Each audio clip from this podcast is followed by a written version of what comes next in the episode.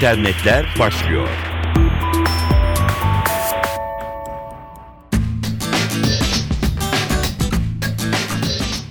Merhaba sevgili dinleyenler. NTV Radyo'da internetlerle karşınızdayız. Ben Dilara Eldar. Değerli verilerini mobil cihazlarında saklamayı tercih edenlerin sayısı her geçen gün artıyor. Araştırma şirketi O Plus Key Research tarafından Kaspersky Lab için yapılan bir çalışmaya göre kullanıcıların %30'u içinde sosyal ağ hesapları ve diğer çevrim içi hizmetler için şifrelerin de bulunduğu gizli bilgilerini akıllı telefonlarında saklıyorlar. Dünya genelinde 11 bin kişinin katıldığı araştırma, akıllı telefon ve tablet kullanımındaki diğer trendlere de vurgu yapıyor. Akıllı telefonların standart özellikleri depolanmış bilginin en yaygın biçimlerini içeriyor, adres defteri ve SMS arşivleri gibi.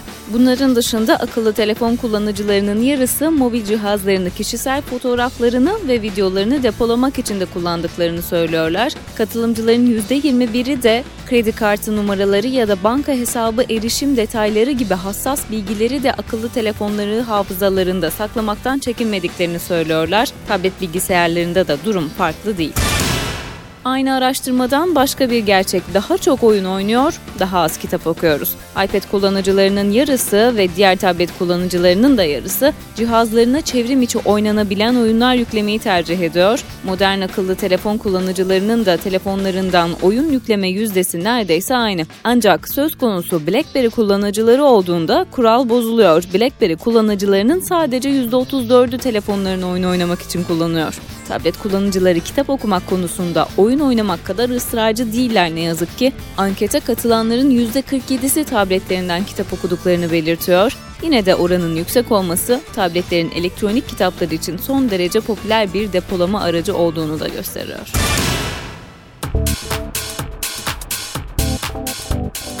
Android'de güvenlik açığıyla ilgili haberlerin ardı arkası kesilmiyor. Google şirketinin Android işletim sisteminde aylar önce keşfedilen ancak bu zamana kadar fark edilmeyen bir güvenlik açığı nedeniyle cep telefonları kapanma veya verilerinin silinmesi riskiyle karşı karşıya.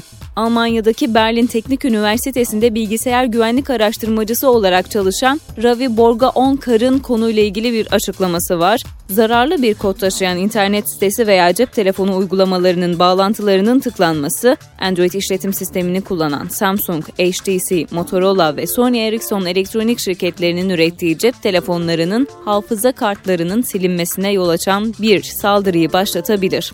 Borgonkar'ın kendi blogunda yazdığı yazıda görüldüğü kadarıyla sadece Galaxy S3 ile diğer Samsung telefonlarını hedef alan başka zararlı bir kodun da cep telefonlarındaki telefon numaraları, müzik ve fotoğraf dosyaları da dahil olmak üzere kayıtlı verilerin yok olmasına neden olabiliyor. Araştırmacı bir tehlikeye daha da dikkat çekiyor. Android işletim sistemindeki açığın kötü niyetli bir kişinin küçük bir tıklamasıyla SIM kartının daimi olarak silinmesine yol açılabilir.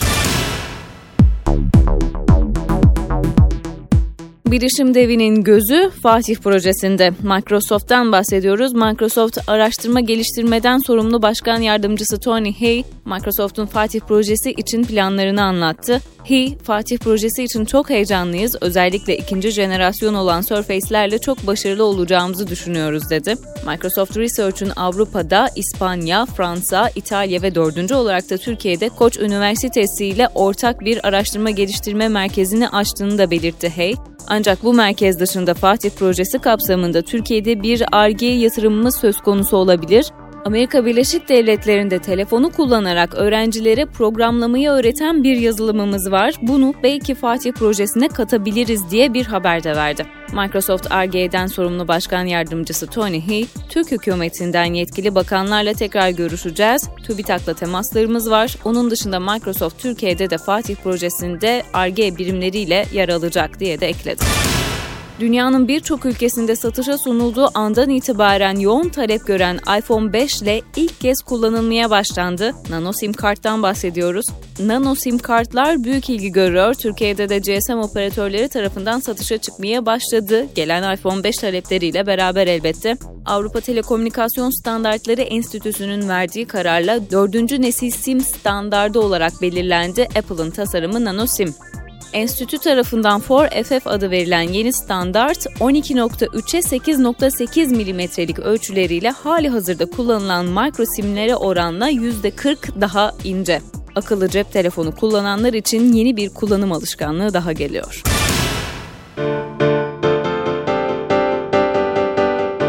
Akıllı dünya kapsamında çözümler sunan inovatif ve yeni nesil şirketlerin belirlendiği IBM Smart Camp Türkiye 2012 sonuçları 3 Ekim'de açıklanıyor. Jüri üyelerinin değerlendirmelerinin ardından finale kalan 6 şirket arasından belirlenecek olan birinci, IBM'in teknik destek ve iş vizyonu oluşturması gibi pek çok hizmet alanından 3 ay süreyle yararlanacak. Girişimciler ve ilgili ekosistemi bir araya getirmeyi hedefleyen IBM ve Teknoloji Geliştirme Vakfı işbirliğiyle düzenlenen yarışmada finale kalan 6 şirket Compelo, Exatec, Havuz Limited, İşkolik, Minder ve MR EMEA şirketleri.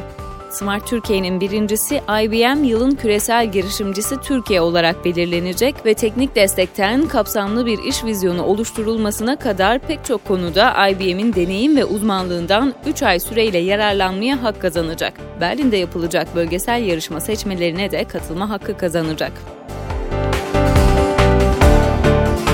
Bültenimizin sonuna geldik efendim. Dijital dünyadan gelişmeleri yine aktaracağız. Görüşmek üzere.